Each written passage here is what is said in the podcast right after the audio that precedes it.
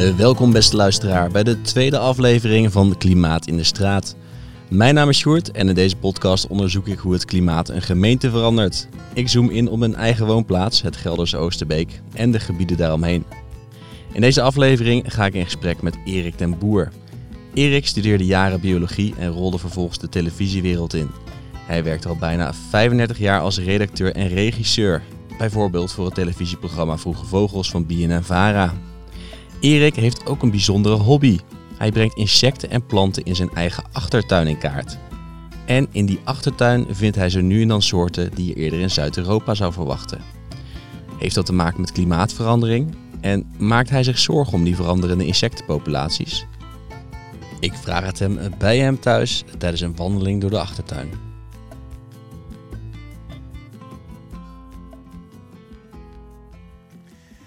Ja, ik scharrel graag rond met uh, mijn hand op mijn rug. Om te kijken wat ik allemaal uh, tegenkom aan planten en, uh, en dieren. En ik ben ook daarom mijn buurman, werkt bij Staatsbosbeheer. En is ook erg geïnteresseerd in, in natuur. En we hebben besloten samen een projectje te beginnen om te kijken wat er nou allemaal leeft in onze twee tuinen. De teller staat op 1236 soorten planten en dieren die we gevonden hebben in twee tuinen in Oosterbeek die naast elkaar liggen. 1236 verschillende soorten die jullie gevonden hebben in twee tuinen. 1236 verschillende soorten planten en dieren. Dat moet ik wel even, even zeggen, ook voor de luisteraar. Dit is niet de gemiddelde tuin. Ik, uh, ik sta hier niet middenin. Ik zie allerlei bomen, veel hoog gras met, met paden die er uh, tussenuit uh, gemaaid zijn. Ik zie een moestuin. En volgens mij grenst dit ook nog aan een, aan een heemtuin. Met mooie, mooie plassen, water en allerlei mooie plantensoorten. Ja, dat klopt. Het, uh, het grenst aan de Zomp. De Zomp is een heemtuin uh, in het midden van Oosterbeek. En uh, ja, precies. En we richten eigenlijk onze tuin, daar zijn, we, daar zijn we mee bezig, zo in dat we zoveel mogelijk diverse kleine plekjes hebben waar verschillende soorten planten en dieren leven. En de moestuin is ook een, een, grote bron van diversiteit aan uh, aan planten. En uh, ik kwam bijvoorbeeld op de Venkel, kwam ik een paar weken geleden de koninginnenpage tegen. Nou, dat is een vlinder, dat is een fantastische vlinder, een van de grootste van uh, West-Europa. Die had ik ooit in de Pyreneeën regelmatig gezien, maar zomaar in Nederland niet. Hij wordt vrij veel gemeld nu. En Venkel, die in de moestuin staat, is een van de baardplanten van de koninginnenpage. Waar, uh, waar, waar, kunnen we die aan herkennen, die, de, uh, die vlinder? Ja, de koninginnenpage is een hele grote uh, geel met zwarte vlinder met een rijtje blauwe stippen onderaan zijn vleugels. Het is een spectaculair beest en ja, die houdt dus van planten die nu in deze moestuin groeien, of van een plant die nu in de moestuin staat. Dus op die manier denk ik ook zeker dat, dat moestuinen en verwilderde tuinen veel bij kunnen dragen aan aan biodiversiteit in, uh, in tuinen en in het algemeen. Waarop ik de insecten in de tuin monitor is. Uh, dat was ik ooit tegengekomen toen ik een aflevering voor Vroege Vogels maakte. Oh kijk, er zit een mooie extra daar te loeren. Oh ja. Um, was de ledemmer. Daar maakte ik een, een, een item over. En uh, ja, die kun je bestellen bij de Vlinderstichting. Dat is, dat is een, eigenlijk een witte emmer met zo'n blauw lampje erboven en een trechter dat blauwe lampje is dezelfde als je kent uh, bij, bij, de, bij de snackbar of de Chinees van ze de vliegen vangen. En er komen nachtvlinders op af. En die, uh, die zet je s'nachts en de volgende dag kijk je wat erin zit, maak ik foto's van en dan uh, laat ik ze weer vrij. En die heeft vannacht gestaan. Het was niet echt optimaal weer. Nee, hij staat ook onder een, onder een afdakje, zie ik, mooi droog. Ik heb er nog niet in gekeken, dus we zullen even kijken of er iets, of er iets zich gemeld heeft vannacht. De emmer gaat open.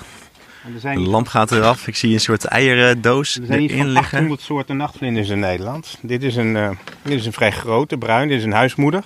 Die herken ik vrij snel. Dat is een heel algemene nachtvlinder in Nederland. Ik heb er een op mijn broek zitten. Die is uh, wat kleiner, wit. Oh ja. Ik ga even kijken met Obsidentify. Dat is, uh, dat is, dat is de, de, app die ik veel gebruik voor nachtvlinders. Daar maak ik er een foto van. Mijn broek wordt nu gefotografeerd. En dan kan ik zien op die foto dat het een grijze stipspanner is.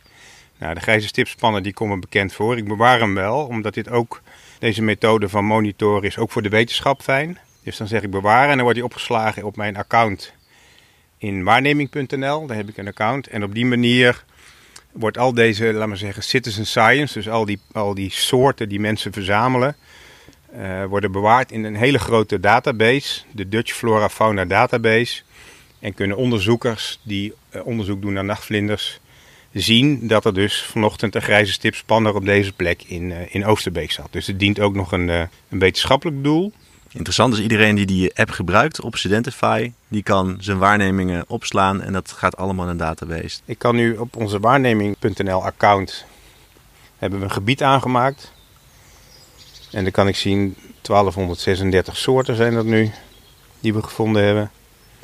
En wat is nou een uh, bijzonder soort uh, dat je ooit in die emmer hebt gevonden? Ja, ze hebben, nachtvlinders hebben prachtige namen. Dus ik heb al een hyena heb ik gehad. En een volgeling en een lieveling. En een, uh, er zitten ook wel eens af en toe zeldzame soorten tussen. De gepluimde snuituil hadden we laatst. Er staat bij dat die zeldzaam is in Nederland. Een zwart roofvlieg, die zat niet in de... In de dat, is, dat, is, dat is een, een, een roofvlieg. Die zat niet in de ledemmer. Maar de vijgen skeleteermot, die heeft erin gezeten. Zie ik Wat een onheilspellende naam allemaal. Ja, uh, nee, het zijn hele, als je, alleen al om de namen is het de moeite waard om, uh, om dit te doen. En ik vond hier dus vorige week een zuidelijke schildwans. Hij wordt als zeldzaam genoemd. Het is een exoot die uit Zuid, uh, Zuid-Europa gekomen is. Het is een beetje onduidelijk of hij meegekomen is met spullen en planten uit Zuid-Europa of dat hij zelf is gekomen. Maar net als die koninginnenpage is het een soort die zich zeker naar boven, uh, naar het noorden verspreidt. Ja, want daar ben ik natuurlijk wel benieuwd naar. Dit is een podcast over, over klimaatverandering. Een van de gevolgen van klimaatverandering is dat ja, dieren zich hier thuis gaan voelen die we hier eerder niet hadden. Dus dat, dat merk je ook wel als je kijkt naar de insecten in jouw tuin. We doen dit niet zo heel lang, dus een verandering in deze tuin zien is, uh, is lastig. Maar we hadden bijvoorbeeld uh, de wespspin. Uh, een enorme tijgerspin wordt je ook wel genoemd. Een enorme gele, grote gele spin die ook duidelijk bezig is met een opmars uit, uit Zuid-Europa.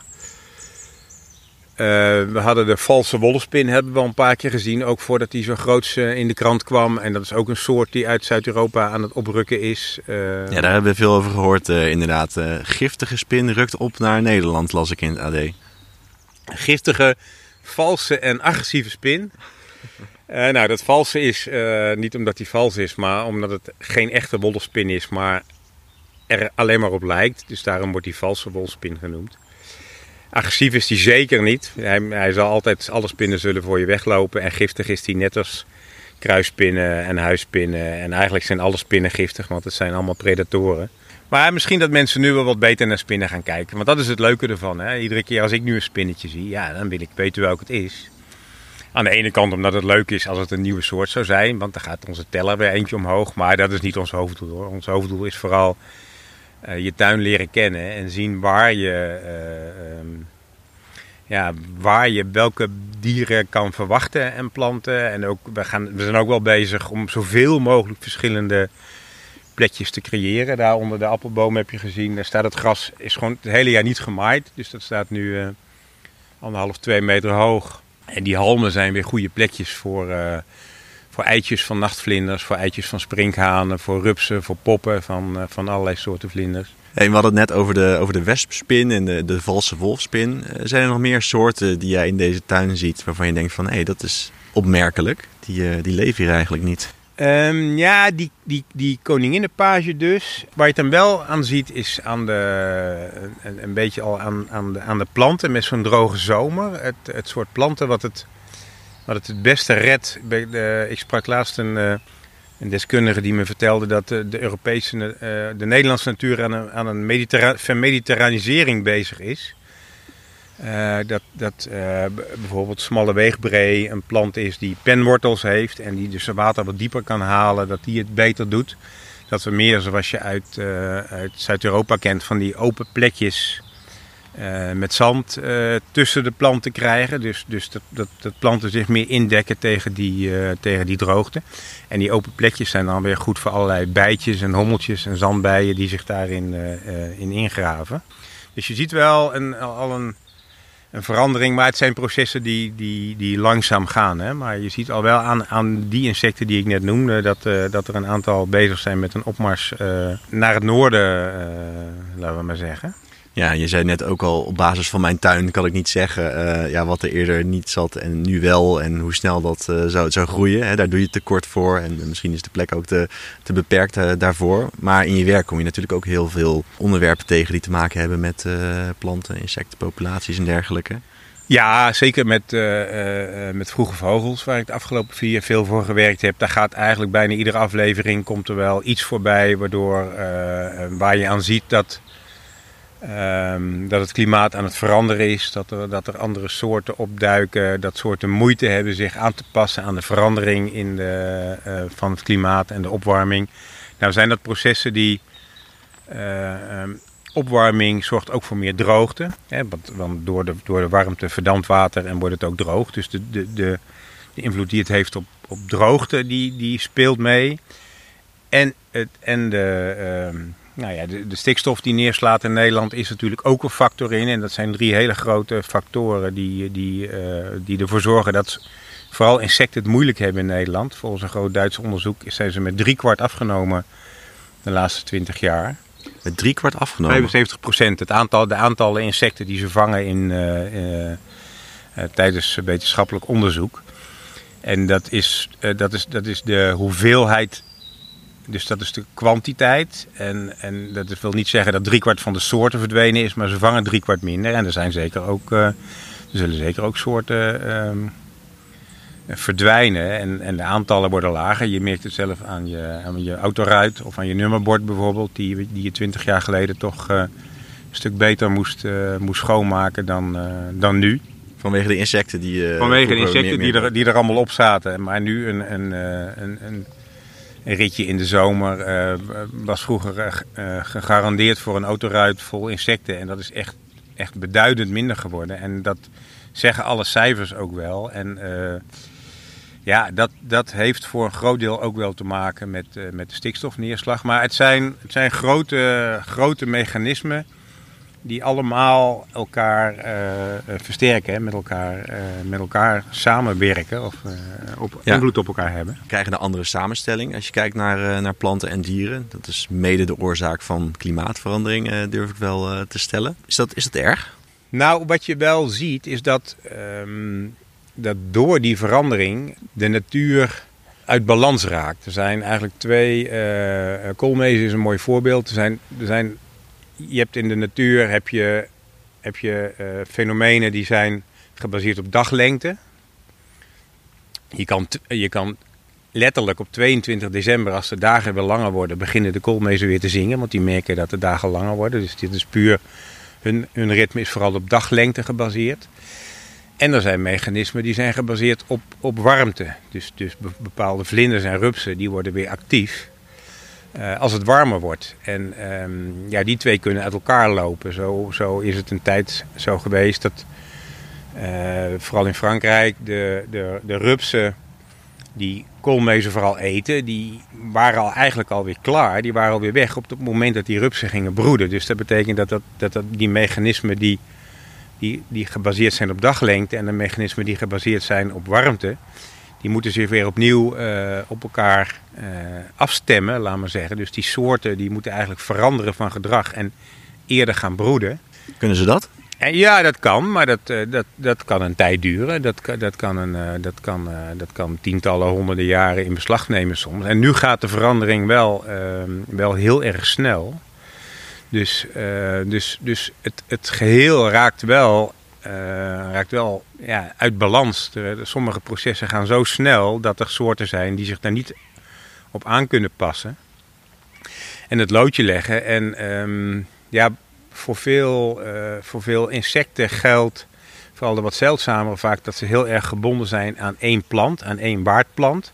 Dus als die plant voorkomt, die hebben zij nodig om hun, rips, hun eitjes in te leggen en daar eten hun rupsen van. Die hebben het vaak moeilijker. En er zijn soorten, dat zijn generalisten die eten eigenlijk, die, ja, die kunnen op heel veel planten en heel veel bloemen kunnen ze uit de voeten. En die hebben het vaak wat makkelijker. Dus je ziet wel als, het, als er veranderingen in de natuur zijn, dat de specialisten uh, onder de insecten als eerste het loodje leggen. En de generalisten die, die houden het gewoon nog een hele tijd vol. Dus dat, uh, ik zag net een honingbij volgens mij nog vliegen. Die blijven ook lang gaan. Nou, de honingbij, dat is eigenlijk een soort landbouwhuisdier, maar die Dat is echt een generalist, die kan echt overal uit de voeten. En er zijn bepaalde Nederlandse uh, bijtjes, het Knautsia-bijtje en andere, die zijn heel erg gebonden aan één plant. En die hebben het dan die hebben het zwaarder als, als het met die plant slecht gaat. Dus dat, dat is ook nog een factor die, uh, die meespeelt en in een verandering die je ziet. Ja, maar kon je toch ook praten over aanpassingsvermogen van, van dieren? Ben je ook wel eens bang dat er gewoon heel veel diersoorten er niet meer zijn straks door die verandering? Um, ja, er, gaan, er zijn diersoorten aan het, aan het uitsterven. Er zijn, er zijn diersoorten aan het verschuiven van leefgebied. En dat is niet per se, uh, niet per se een, een, een, een ramp. Maar uh, het, het is vooral dat het allemaal niet tegelijk gebeurt, laat maar zeggen. Dus er komen soorten bij uit Zuid-Europa hier. Maar die hier zijn, die zijn er ook nog. En die kunnen dan uh, met elkaar gaan concurreren. Grote bont specht hoor. Ik weet niet of jij me hoorde, maar die komt daar voorbij.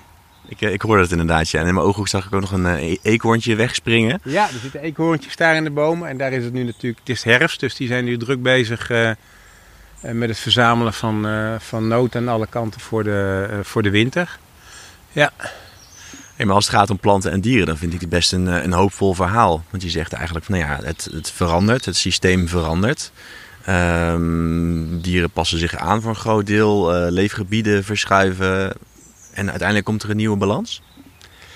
Ja, kijk, uiteindelijk komt er wel, komt er wel een nieuwe balans. Want die natuur, die, die, ja, die, die past zich wel aan. En die, die, die zal zich uiteindelijk, uh, laten zeggen, ook toen de dinosauriërs allemaal uitgestorven zijn, toen waren die weg en kregen andere diergroepen weer een kans. Maar dat zijn natuurlijk wel enorme uh, uh, processen die heel veel tijd kosten. En in die tijd verliezen we veel van onze van de eigen natuur die we nu hebben. En uh, zullen de soorten verdwijnen en op den duur ook wel weer bijkomen. Maar ik denk dat het een, bijna nog een groter risico is voor, uh, voor onszelf. Want vaak zijn die periodes van grote veranderingen ook periodes waar bepaalde diersoorten enorm de overhand kunnen nemen. Uh, ja, ik wou net zeggen, want over één diersoort hebben we het nog niet gehad.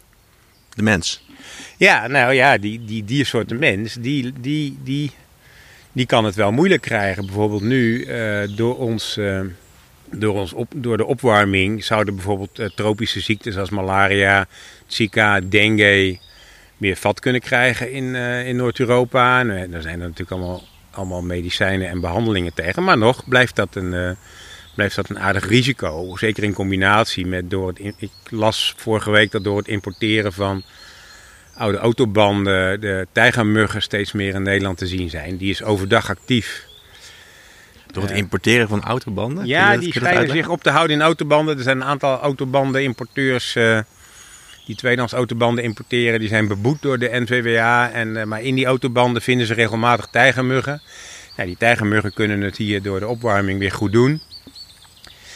En die kunnen tropische ziektes uh, verspreiden. Dus uh, Arnold van Vliet van de Universiteit Wageningen waarschuwde me enige tijd geleden al. Het kan zo komen dat je bijna je kinderen niet meer overdag buiten laat spelen.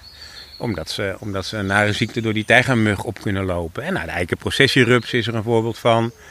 Oh, maar dat, dat, is nogal wat. Dat je je kinderen niet meer kan laten buiten spelen. Omdat dat is een, een, een toekomstscenario. Dat, is, dat, dat is een toekomstscenario wat hij, ooit, uh, wat hij, wat hij me ooit schetste. En, um, en hij, wat hij ook zei, wat ik me mooi vond, is dat de, de, de klimaatverandering is niet iets waar we op ons moeten voorbereiden omdat die er aankomt. We zitten er gewoon al een hele tijd uh, middenin. Um, ja, en dat zie je op allerlei, allerlei vlakken al terug. Het, het, bijvoorbeeld er komen sprinkhanensoorten bij in Nederland. Dat is dan wel weer op een bepaalde manier uh, leuk. En, en een bepaalde springhaan. Die heb ik hier ook in de tuin gehad. De zuidelijke sabelsprinkhaan. Een enorm prachtig beest. Een grote groene sprinkhaan. Waarbij het vrouwtje een groene, grote groene legboor aan de achterlijf heeft. Die een legboor, wat is dat? Een legboor is een, ja, dat is letterlijk een, een soort sabel, hè, daar lijkt het op die ze in de grond prikt om daar eitjes mee af te zetten, diep onder de grond.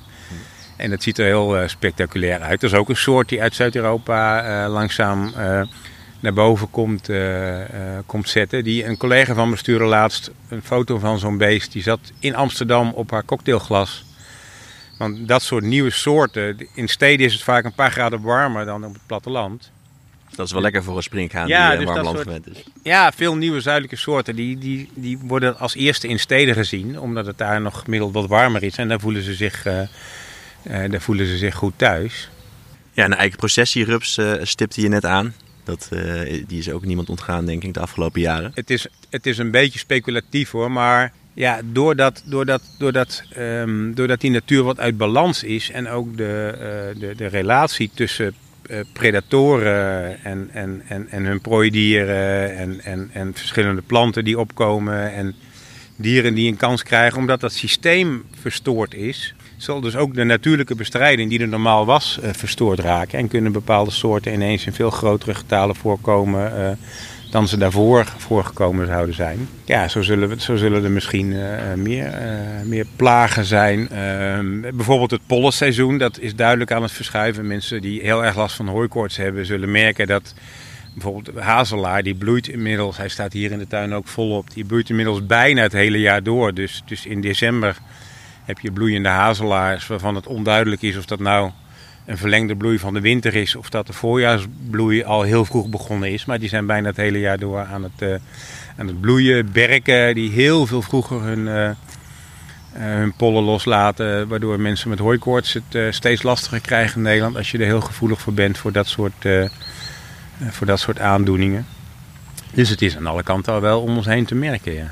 Ja, dus we kunnen eigenlijk die klimaatverandering gewoon zien als we even door de achtertuin lopen of een wandeling maken door het bos of het park. Ja, ja, ja, als, je, als, je, als je daar oog voor hebt. Ja, zeker. Ja, zeker. Ja. We staan nog steeds in je achtertuin. Hoe ziet het er hier uit als we over 20 jaar hier terugkomen? Heb je dan iets veranderd vanwege die klimaatverandering? Of is er dan iets veranderd? Ja, ik, ik denk wel dat er andere soorten eh, zullen staan. Sommige soorten die, die gevoelig zijn voor droogte, die zullen vanzelf het loodje leggen. En eh, ja, ik heb wel een beetje de filosofie, wat hier aangeplant staat, is, is eigenlijk bijna allemaal eh groente. Hè. We staan in de moestuin.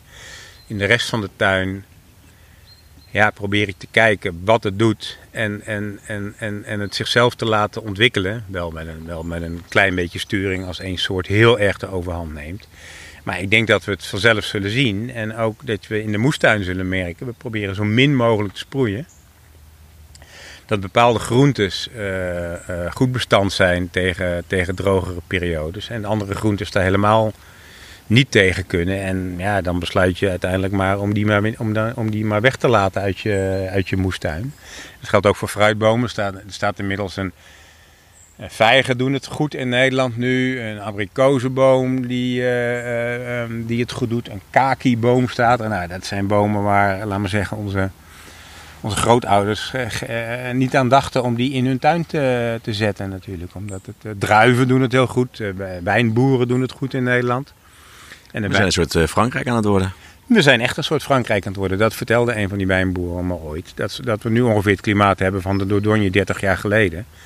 Dus, dus, dus we zullen toch inderdaad die mediterranisering van onze, onze, bijvoorbeeld onze, onze flora, onze planten. Waarbij je meer eenjarigen krijgen, die dan gewoon kunnen verdrogen in de zomer, omdat ze in het voorjaar al hun zaden hebben losgelaten. En meer, meer planten met penwortels, die het water wat dieper kunnen zoeken. Ehm, Maar ik kan me ook voorstellen dat als liefhebber van eh, insecten en planten dat het ook wel weer interessant is. eh, al die nieuwe soorten. Er zijn ook nog soorten die je hoopt tegen te komen eh, de komende jaren. Ja, die verandering van soorten, ja, ja dat, is, dat is zeker ook interessant. We hebben nu een wandelende tak in Nederland. Is, is een tijdje geleden ontdekt. Eh, en mijn buurman stuurde hem uit Spanje eh, eh, foto's van bitsprinkhanen. Ja, wie weet komen die ook nog wel eens deze kant op. Dat zou ik, zo, dat zou ik, ook, zou ik ook interessant vinden. Maar ja, interessant en zorgelijk, die kunnen wel samengaan. Hè? De die, die, Het een sluit het ander niet uit. het een sluit het ander niet uit. Dus, dus bepaalde soorten zien of niet meer zien. En dat kan misschien als ik hier wat langer woon en dat wat beter bijhoud. Dan dat kan en interessant en, eh, en, eh, en zorgelijk tegelijk, tegelijkertijd zijn natuurlijk. Ik kan me ook voorstellen dat hoe meer je erover weet, hoe interessanter het wordt. Absoluut, absoluut, absoluut. En ik, heb pas, en dat is weer een nieuwe, ik heb pas een item gemaakt voor Vroege Vogels over eh, bladmineerders en over gallen. En sindsdien heb ik zo tien soorten bladmineerders in de tuin gevonden. Dat zijn hele kleine larven, vaak van motten, die gangetjes graven in bladeren. Dus dan hebben we ineens een hele groep erbij uh, die, we, die we interessant vinden en die we, die we gaan zoeken. En wat moet je nou doen om al die insecten in je, in je tuin te krijgen? Ik bedoel, we hebben natuurlijk allemaal insecten in onze tuin, maar ik denk niet allemaal 1236 uh, eh, verschillende soorten insecten en planten. Eigenlijk geldt voor, voor alle dieren die je in je tuin uh, wil hebben. Ook voor egels bijvoorbeeld, die het nu heel moeilijk hebben. Maak, rommel. Maak, maak het niet te goed schoon. Maai niet, of maai weinig, of maai laat vooral omdat alle vlinders, nachtvlinders, uh, sprinkhanen, wansen, die leggen hun eitjes vaak op, uh, op gras. Dus als je dat vroeg afmaait, dan, dan is dat allemaal weg. hier liggen stapeltjes oude dakpannen, stenen, takken, veegbladeren op een hoop. En, en laat ze gewoon liggen. Uh, dus maak er vooral een beetje een rommeltje van. Dan, uh, dan zul je zien dat op alle vlakken, op insecten, maar ook op bodemdieren, uh, egels, vogels. Die vogels leven weer van die insecten voor een groot deel. Maak rommel, dat klinkt mij als muziek in de oren. En ik denk een hoop andere mensen ook. Ja, nou ja, dat zou je denken. Maar toch, toch hebben heel veel mensen in hun tuin een hekel aan rommel. Dus ja, begin met je tegels eruit te halen. Dat is ook goed voor, het, voor de wateroverlast die we, die we hier pas weer hadden zodat het water weg kan. En wees niet bang voor hoekjes waar, ja, waar van alles. De brandnetel is een, is een waardplant voor, voor, ik geloof wel 30 insectensoorten die exclusief op brandnetel zitten. Voor de Atalanta is het een, is het een, belangrijke, is het een belangrijke soort. Dat is een, een, een vlinder, een dagvlinder. Uh, zevenblad kun je lekker eten. Uh, dus schrik niet te veel van, ehm, van planten die je niet gepland had. Kijk wat er opkomt, kijk wat er gebeurt. En ook heel veel wilde planten. Er staan hier nog teunisbloemen in, uh, in bloei, grote teunisbloem. Die gele daar, ja, die zijn, die zijn prachtig uh, van zichzelf. Dus probeer het een beetje los te laten wat er gebeurt. En dan zul je zien dat het vanzelf... Uh, ja, het is ook een definitiekwestie natuurlijk. Want we zeggen nou van maak er een rommeltje van. Maar ja, wat, wat is een rommeltje? We hebben ook maar ooit aangeleerd gekregen dat we een strak gemaaid gezonnetje moeten hebben. Ja, precies. En eigenlijk als je, als je dat gezond... Ja, ik, dat, dat, dat, is ooit in de mode geraakt dat dat allemaal uit één soort gras moet bestaan. Maar een gezond met, met lekker klaver erin. Of wat mos erin. Ja, dat ligt net zo lekker. En voetbalt ook net zo lekker. Dus het is gewoon inderdaad een kwestie van mode en smaak en definitie. Maar het een beetje laten gaan. En wat hoopjes en oud, uh, wat oude boomstronken... Uh, laten liggen, die oude takken. Um, en, dan, en dan als zo'n boomstronk ouder wordt en je trekt er een stukje schors vanaf. Ja, dan zul je zien dat daar van alles, van alles onder leeft en beweegt. En ja, te vinden is aan interessantie. Ik zie daar, ik zie daar wat groots vliegen. Ik denk een blinde bij. Een blinde bij is een zweefvlieg die zich heeft vermomd als een bij om afschrikwekkend te zijn voor vogels. Ja, prachtig. Je ziet hier van alles staan, kruipen, rondvliegen. Volgens mij kun je de hele dag eh, rondlopen, of niet? Ja, dat is, dat is wel een beetje het gevaar. Kom je nog aan werken toe? dat vindt ook mijn partner als ik weer uh, op mijn gemakje loop te scharrelen met mijn telefoon uh, in plaats van iets nuttigs te doen. Maar, maar ik, ben, ik ben wel geïnspireerd. Ik, ik ga wat meer rommel maken. Ik ga wat meer goed kijken naar de beestjes. En niet alleen maar denken van hé, hey, daar vliegt een mot. Foto's maken. Dan zullen we het allemaal wat meer doen en bijhouden. Dan kunnen we misschien ook beter in kaart brengen wat er allemaal eh, nog niet was en, en nu wel in ons mooie Franse klimaat. Nou, exact. Dat lijkt me een mooie, een mooie tip voor iedereen. Om, om het vooral beter te kijken wat er allemaal gebeurt. En, en de boel een beetje te laten gaan en dat dan te observeren. Dat is, uh, en dan kunnen we inderdaad veel leren en ook vooral die, die biodiversiteit gaan waarderen. Dit was Klimaat in de Straat. Wil je meer horen? Abonneer je dan op deze podcast in je favoriete podcast app. Bedankt voor het luisteren.